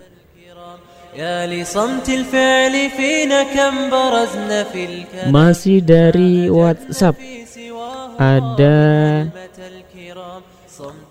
Hamba Allah Di bumi Allah. Ikut memilih materi Apa katanya ini pesannya nungguin acara Pilda katanya. Baru pulang ngaji. Materi pilihannya mana ini? Ya ditunggu. Materi manakah dari kesebut dari materi-materi yang masih tersisa? Ada empat materi lagi yaitu di materi yang kedua delapan dan enam tujuh itulah materi yang masih tersisa di meja redaksi bagi anda yang mungkin belum mendengarkan informasi terkait materi-materi yang telah kami posting dan sudah kami putar. Yang belum keputar ada empat materi lagi yaitu di materi yang kedua dengan tema penghuni surga mendapatkan bidadari. Dan di materi yang kedelapan dengan tema wajibnya sholat berjamaah di materi yang keenam hukum istri yang nusud dan di materi yang ketujuh siapakah para pelaku riba? Itulah keempat materi yang masih tersisa di meja redaksi kami. Silahkan bagi anda yang mungkin baru menyalakan radionya atau baru menemukan frekuensi 99.3 Fajri FM anda sedang berada dalam acara Pilda pilihan anda atau materi pilihan anda. Yang mana atau di mana dalam acara ini anda berkesempatan untuk memilih materi pilihan yang telah kami sediakan. Ada 10 materi dan sudah tersisa 4 dan masih tersisa 4 materi lagi. Ya silahkan langsung kirimkan pesan singkat ke 0811 11 10 993 Tidak hanya melalui WhatsApp, SMS atau Telegram Anda juga bisa bergabung via Facebook di facebook.com garis miring Radio Fajri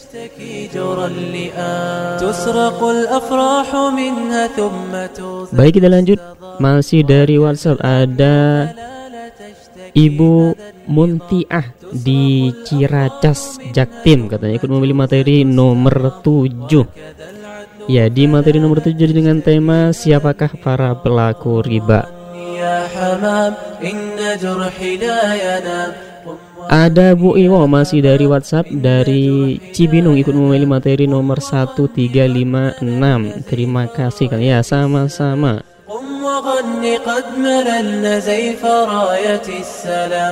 Setelah Bu Imam masih dari WhatsApp ada hamba Allah di Bogor katanya ikut memilih materi nomor 5 di materi nomor 5 dengan tema kiat menjaga keharmonisan keluarga dan alhamdulillah materi tersebut sudah kita putarkan.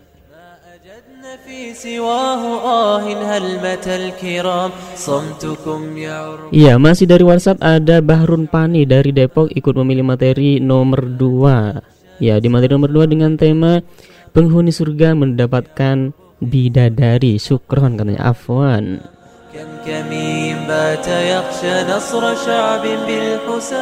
masih dari WhatsApp ada Ummu Arafah dari Sukma Jaya Depok memilih materi nomor 6 Di materi nomor 6 dengan, dengan tema hukum istri yang nusut. Syukron katanya Afwan.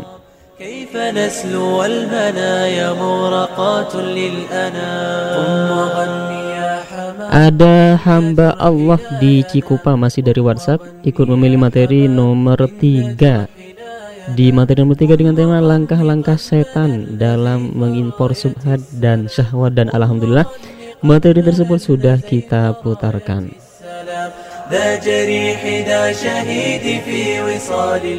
Baik kita langsung cek materi manakah yang paling banyak dipilih oleh anda setelah materi-materi yang telah kita putarkan.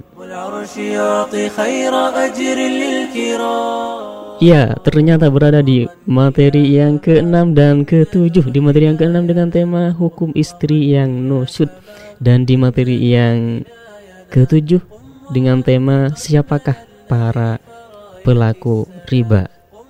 Adapun seperti apa penjelasannya silahkan disimak. Inilah materi pilihan Anda.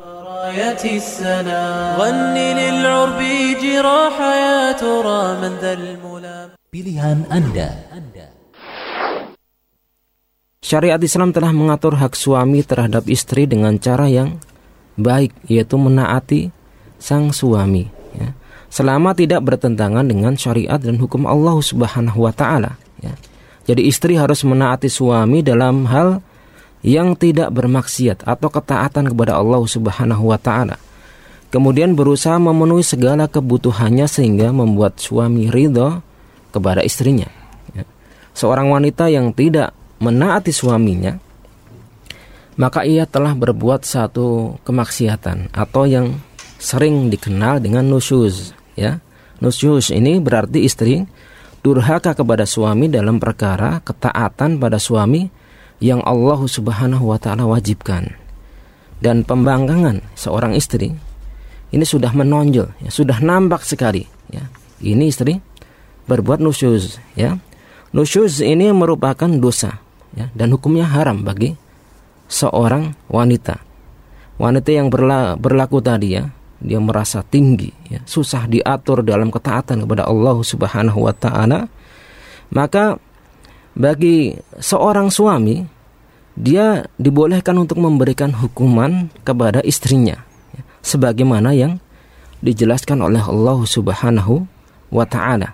Allah Subhanahu wa taala berfirman, "Wallati takhafuna nusyuzahunna fa'idhuhunna wahjuruhunna fil madaji' wadribuhunna fa in ata'nakum fala tabghu 'alaihinna sabila innallaha kana 'aliyan kabira." Wanita-wanita yang kalian khawatirkan nusyuznya, ya, maka nasihatilah mereka dan pisahkanlah mereka di tempat tidur mereka pertama dinasihati kemudian kalau tidak mempan tidak mental ya tidak bermanfaat maka dipisahkan ya. wahjuruhunna fil madaji ya. pisahkanlah tempat tidur mereka kemudian wadribuhunna ya. dan pukullah mereka nanti akan diterangkan bagaimana ya. memukul seorang istri yang berbuat kemaksiatan tadi kemudian jika tadi ya mereka menasihati kalian ya. kemudian jika mereka menetaati kalian maka janganlah kalian mencari jalan keluar ya, yang menyusahkannya. Sesungguhnya Allah Subhanahu wa taala Maha tinggi lagi Maha besar. Ya. Pendengar yang beriman yang dirahmati Allah Subhanahu wa taala, berdasarkan ayat tersebut, maka langkah-langkah yang dilakukan oleh seorang suami terhadap istrinya yang berbuat kemaksiatan tadi, yang pertama adalah suami memberikan nasihat dengan lemah lembut, ya fa'idhuhunna ya.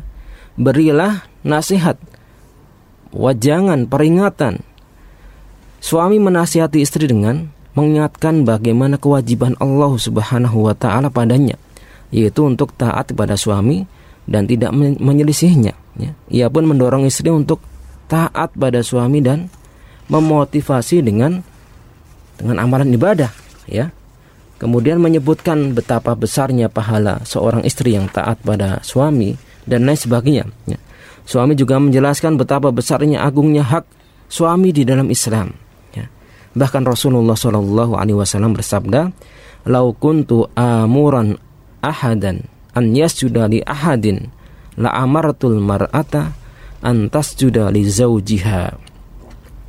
Sekiranya aku memerintahkan seseorang untuk sujud kepada yang lainnya, atau dibolehkan sujud kepada manusia lainnya, niscaya akan aku perintahkan seorang istri sujud kepada suaminya. Hadis riwayat At-Tirmidzi.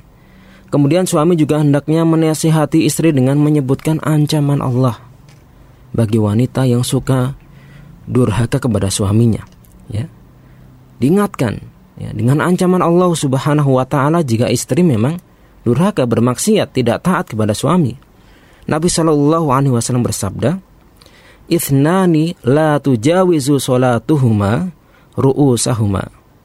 Abdun abak min mawalihi hatta yarji wa mra'atun asad zaujaha hatta tarji'a." Ada dua orang yang sholatnya tidak melampaui kepalanya, ya. tidak diterima oleh Allah Subhanahu wa Ta'ala, yaitu budak yang lari dari majikannya sampai ia kembali lagi.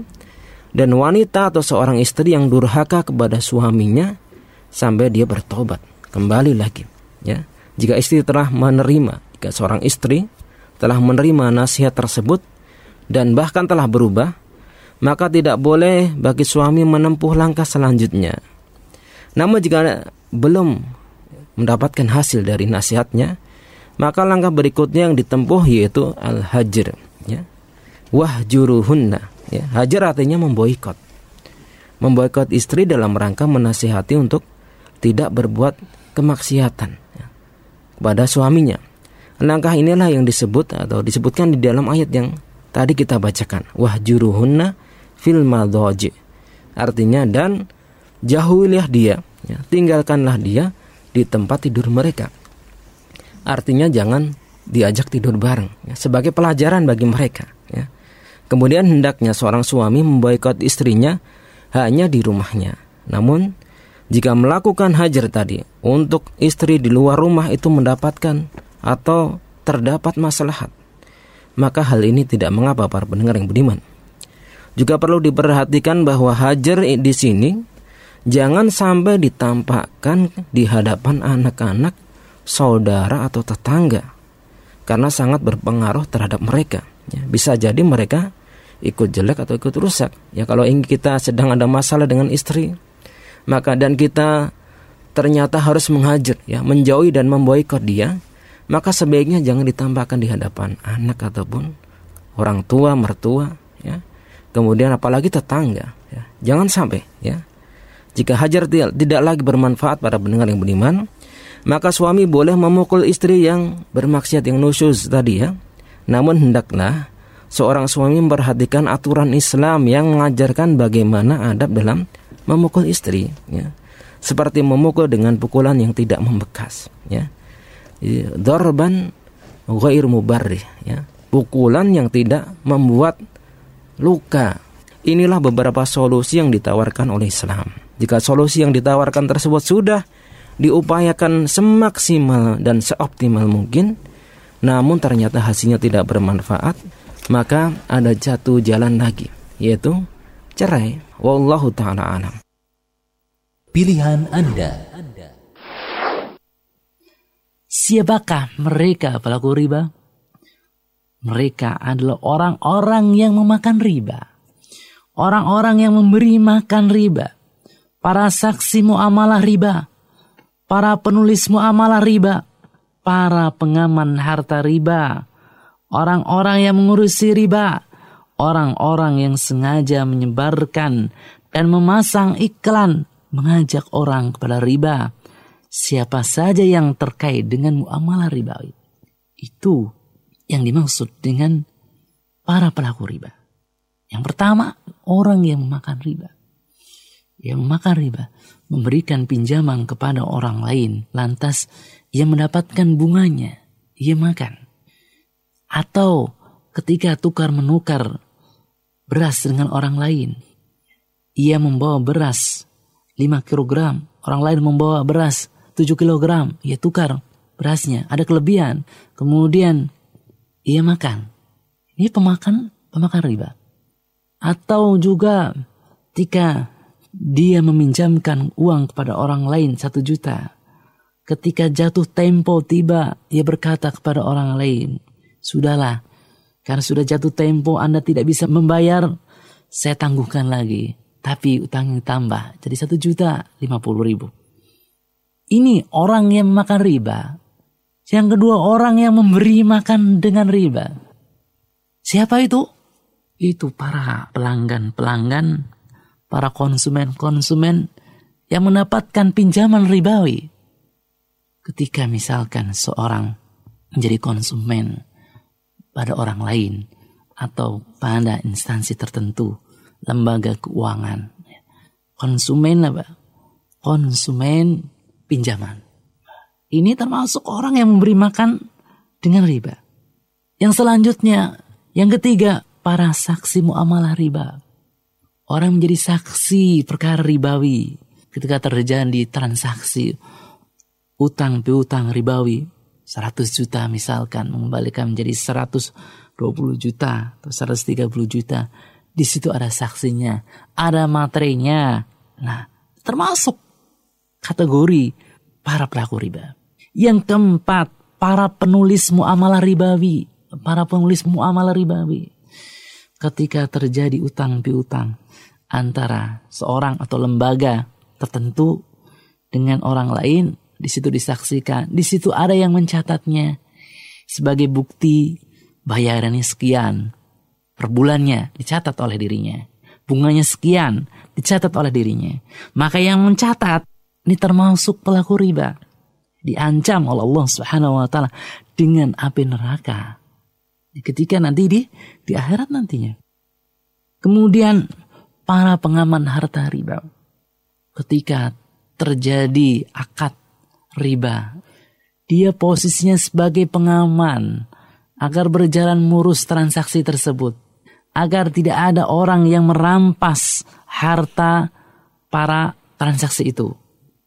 Atau orang yang sengaja memasang iklan mengajak orang pada riba. Sekarang banyak sekali para pemuda, para pemudi, bahkan mahasiswa atau mahasiswi mereka memiliki kerjaan sampingan. Apa itu kerjaan sampingannya? Datang ke masyarakat, menyebarkan, memasang iklan, mengajak orang, ya siapa yang mau pinjam? Bunganya kecil sekali gitu bunganya cuma satu persen setahun. Ayo, satu persen. Mereka mengatakan ini bukan bunga, tapi bagi hasil, gitu kan? Dengan bahasa-bahasa yang menarik. Padahal hakikatnya sama, ribawi, ribawi, ribawi. Bahkan ketika mereka turun sengaja mengkoordinir masyarakat, membuat tim lima orang atau sepuluh orang. Tim itu berjanji, sama-sama berjanji, sama-sama pinjam, ke organisasi tertentu atau lembaga keuangan tertentu pinjam sama-sama dengan bunga yang kecil. Kemudian ketika ada kemacetan, salah satu di antara mereka, anggota yang lain menanggung. Ini jadi bahaya. Jangan sampai kita menjadi iklan atau mengajak orang untuk masuk dalam jurang riba. Karena sama akan mendapatkan ancaman. Dan orang-orang yang berbuat riba termasuk orang-orang yang tidak sempurna keimanannya. Pilihan Anda. قم وغني يا حمام إن جرحي لا ينام قم وغني يا حمام إن جرحي لا ينام قم وغني قد مللنا زيف راية السلام. قم وغني قد مللنا زيف راية السلام. زيف راية السلام غني للعرب جراح يا ترى من ذا الملام غزة الأبطال أمست تشتكي جور اللئام غني للعرب جراح Ya itulah materi pilihan anda berada di materi yang ke-6 dan ke-7 Di materi yang ke-6 dengan tema hukum istri yang nusud Dan di materi yang ke-7 dengan tema siapakah para pelaku riba? Kami ucapkan syukron jazakumullah khairan bagi anda yang telah ikut memilih materi tersebut. Semoga bermanfaat dan menambah pahala. Dan juga ditunggu untuk berpartisipasi kembali di acara berikutnya حمام إن جرحي لا ينام قم وغني يا حمام إن جرحي لا ينام قم وغني قد ملل Ya masih ada dua materi pilihan lagi ya materi yang masih tersisa di meja redaksi dan insya Allah ini sekaligus menjadi penghujung atau materi yang terakhir materi pilihan yang terakhir yang akan kami putarkan pada acara Pilda kali ini. Dan tapi sebelum itu kami akan bacakan pesan-pesan yang sudah ikut memilih materi pilihan atau ikut bergabung di acara Pilda kali ini.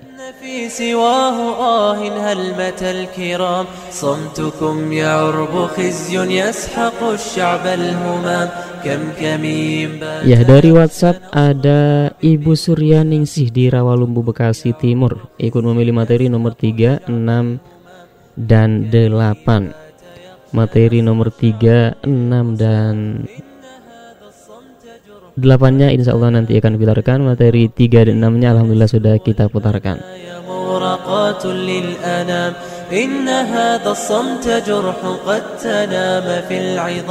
Ya, ya masih dari WhatsApp ada Edi Ebek di Kampung Sawah Gang Belimbing. Ada Amir di Cikirai Gaus di Ciawi. Ada Atitini Endes di di rumah ya. Semuanya ikut mendengarkan pilih materi nomor 1 sampai 10 katanya. Iya, masih dari WhatsApp ada Umi Shelma di Gongseng Cijantung Jakarta Timur katanya. Ikut memilih materi nomor 3, 5, 7 dan 9 untuk materi tersebut alhamdulillah sudah kita putarkan.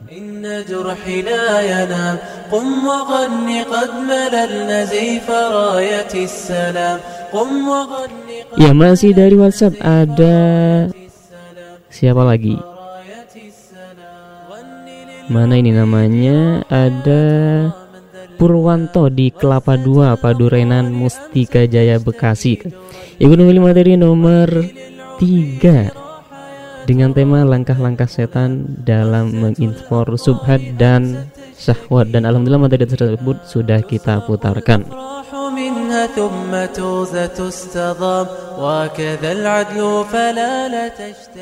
masih dari WhatsApp ada Ummu Jauharo di Cibinong ikut memilih materi nomor 9 Ya di materi nomor 9 dengan tema penyebab banyak wanita masuk neraka Dan Alhamdulillah sudah kita putarkan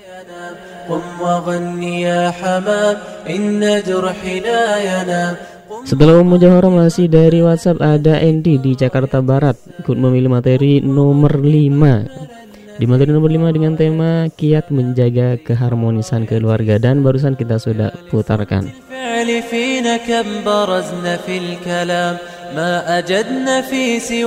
Ada Akhi Gandhi di PHR Bekasi Utara. Nah, ikut memilih materi nomor 2, 5, 6, 9 dan 10. Sukron, Afwan.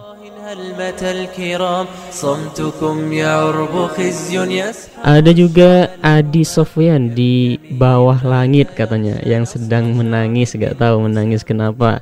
Ikut memilih materi nomor 10 ya di materi nomor 10 dengan tema solusi hadapi masa jomblo jodoh tak kunjung datang ya mungkin sesuai dengan temanya menangisnya ini. تنام في العظام كيف نسلو المنايا مغرقات للأنام إن هذا الصمت جرح قد Ada Hasanuddin di Jalan Salak Putih nomor 100 Ciganjur Jagakarsa Jaksel. Karena ikut memilih materi nomor 1 sampai 10. قم وغني يا حمام إن جرحي لا ينام قم وغني قد ملى النزيف Masih dari WhatsApp ada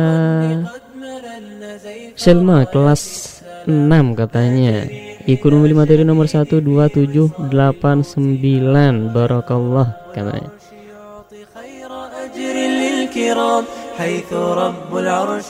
Ada juga masih dari WhatsApp Didin Misbahuddin di Pandeglang ikut memilih materi nomor 6 Masih dari WhatsApp ada siapa ini namanya? Rosso dari Bekasi Timur ikut memilih materi nomor 9 dan nomor 10 katanya. Suka Syukron jazakumullah khairin afwan. يا ترى من ذا الملام غزة الأبطال أمست تشتكي جور اللئام غني للعرب Masih dari WhatsApp ada Alfat Bekasi Utara. Mana materi pilihannya ini? Silahkan masih ditunggu. منها ثم توزة تستضام وكذا العدل فلا لا تشتكي Masih dari WhatsApp ada Bu Emi ikut memilih materi nomor 8 dan 9. Sukron semoga Radio Fajri tetap jaya katanya dari Cibuluh. قم وغني يا حمام إن جرحي لا ينام قم وغني يا حمام إن جرحي لا ينام Ada hamba Allah. Ikut memilih materi nomor 5 Ya masih dari WhatsApp ada Jainuddin di Citeko Cisarua Puncak. Ikut memilih materi nomor 1 sampai 10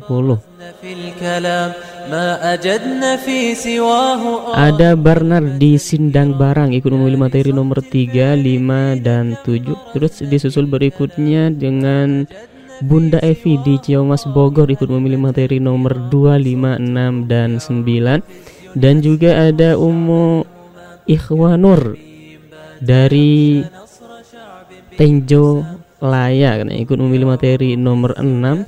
Masih dari WhatsApp ada siapa lagi? Ada hamba Allah di Pasir Jaya Jatiwung. Tanggerang ikut memilih materi nomor 1 dan 4 dan juga ada Sukmawati HS dari Parung menyimak aja kan iya. Ada juga Ibu Elis dari Liuliang ikut memilih materi nomor 1 sampai 9. Terus masih dari WhatsApp ada siapa?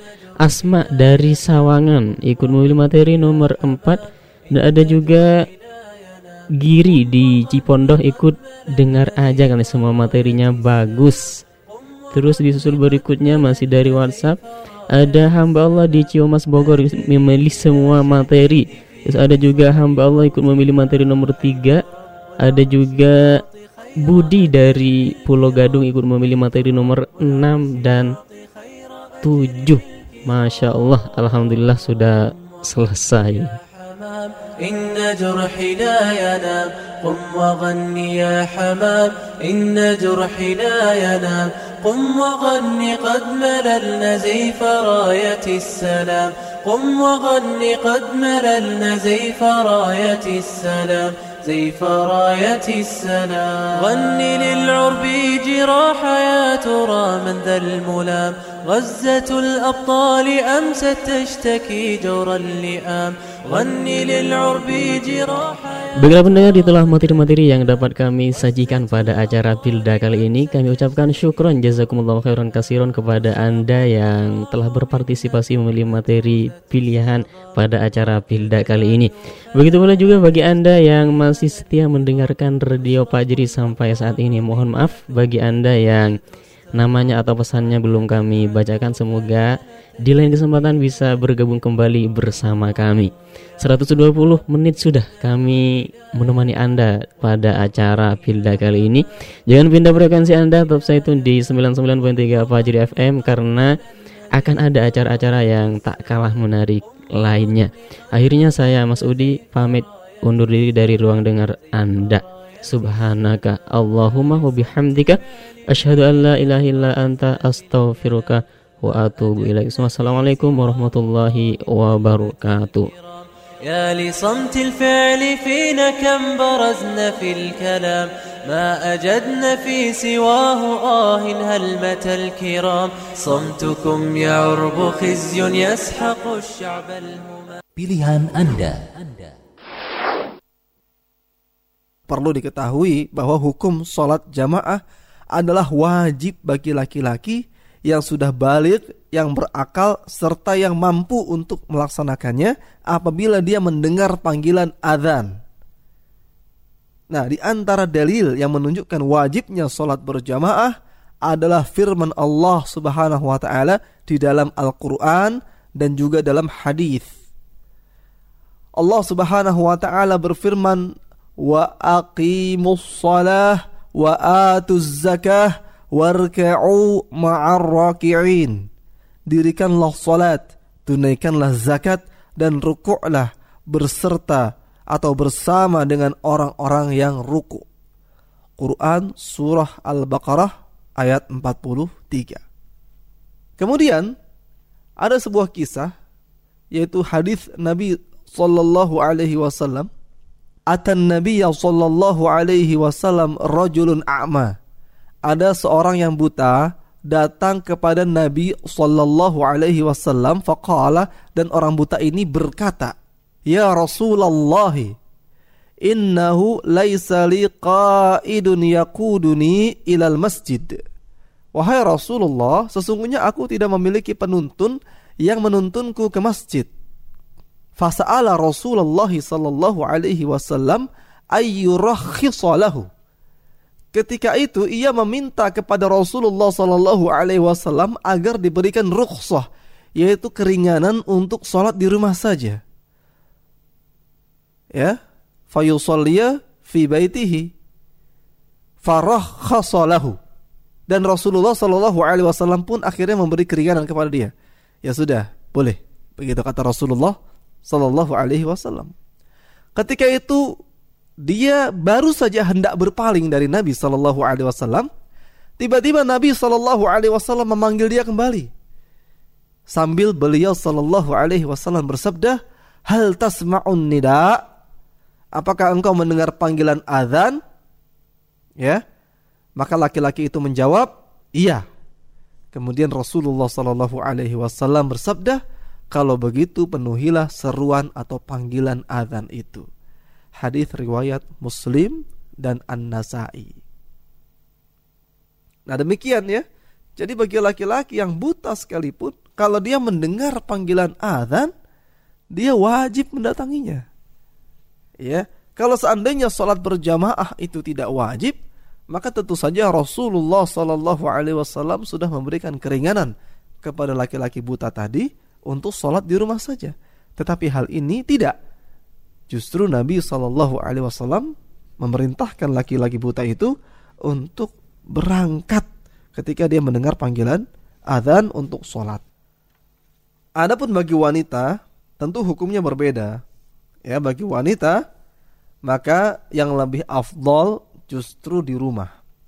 Sebagaimana Rasulullah Shallallahu Alaihi Wasallam bersabda, wa buyutuhunna khairul lahun. Dan bagi kaum wanita, salat di rumahnya itu lebih baik. Hadis riwayat Ahmad dan Abu Dawud. Nah jadi ketika salat berjamaah itu wajib, maka kita tidak boleh meninggalkan jamaah kecuali dengan alasan yang syar'i. Pilihan Anda. Sebagian ulama mengatakan itu berdasarkan satu hadis dari Rasulullah Shallallahu Alaihi Wasallam. Minimal seorang Muslim, seorang mukmin yang memasuki jannah itu mendapatkan dua nisa'u ahlil jannah yaitu wanita-wanita yang diciptakan oleh Allah Subhanahu wa taala di dunia. Boleh jadi itu salah satunya adalah istrinya atau dua-duanya adalah istrinya. Kalau empat istrinya ya berarti empat ditambah sesuai dengan kehendak Allah Subhanahu wa taala. Kita tidak mendapatkan secara rinci tapi yang punya istri satu pun akan diberikan nisa'u ahlil jannah dua dari mana yang satu boleh jadi adalah mereka yang sampai sekarang belum menikah boleh jadi mereka yang belum menikah itu untuk antum. Boleh jadi, wallahu alam. Minta kepada Allah Subhanahu wa taala surga itu yang penting. Ya, dan laksanakan amal ketaatan itu yang lebih penting lagi. Azwajun mutahharatun disucikan atau suci, bersih. Maksudnya apa? Dikatakan dia disucikan oleh Allah Subhanahu wa taala dari segala macam aib kalau bahasa kitanya full body perfect.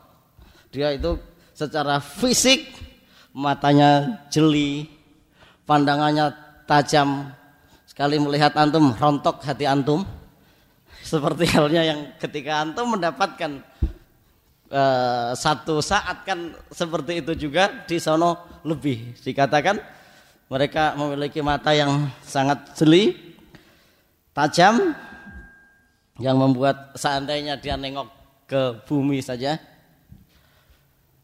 sinar terang akan tertengari, terterangi oleh pandangan wajahnya, pandangan tatapan matanya.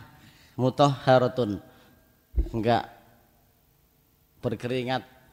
Kalaupun berkeringat adalah keringat yang wangi, tidak ke bahasa sederhananya ada keperluan ke hamam itu enggak ada, ya mutahharatun disucikan dan dia sangat setia terhadap suaminya. Di sana salah satunya sifat mereka adalah mereka sangat setia terhadap suaminya. Wahum fiha khalidun dan surga atau mereka para penghuni surga diabadikan oleh Allah Subhanahu wa taala. Surga sifatnya abadi. Ini adalah salah satu makhluk yang Allah Subhanahu wa taala tentukan sebagai makhluk yang abadi. Jangan tanyakan lagi, bukankah yang abadi hanya Allah Subhanahu wa taala? Ini sudah ditetapkan Allah Subhanahu wa taala wa hum fiha khalidun. Al jannah wan nar itu dua-duanya latafniani, enggak rusak, dia abadi sebagai balasan bagi mereka yang berbuat baik ataupun neraka untuk mereka yang berbuat buruk. Baik, itu salah satu ayat yang menerangkan tentang keberadaan surga dan wajib kita imani. Pilihan Anda. قم وغني يا حمام إن جرحي لا ينام قم وغني يا حمام إن جرحي لا ينام قم وغني قد مللنا زيف راية السلام. قم وغني قد مللنا زيف راية السلام. زيف راية السلام. غني للعرب جراح يا ترى من ذا الملام. غزة الأبطال أمست تشتكي جور اللئام غني للعرب جراح يا ترى من ذا الملام. غزة الأبطال أمست تشتكي جور اللئام تسرق الأفراح منها ثم توزة تستضام. وكذا العدل فلا لا تشتكي هذا النظام. تسرق الأفراح منها ثم توزة تستضام. وكذا العدل فلا لا تشتكي هذا النظام. قم وغني يا حمام إن جرحي لا ينام. قم وغني يا حمام إن جرحي لا ينام. قم وغني قد مللنا زيف راية السلام. قم وغني قد مللنا زيف راية السلام. زيف راية السلام. يا لصمت الفعل فينا كم برزنا في الكلام. ما أجدنا في سواه آه هلمة الكرام.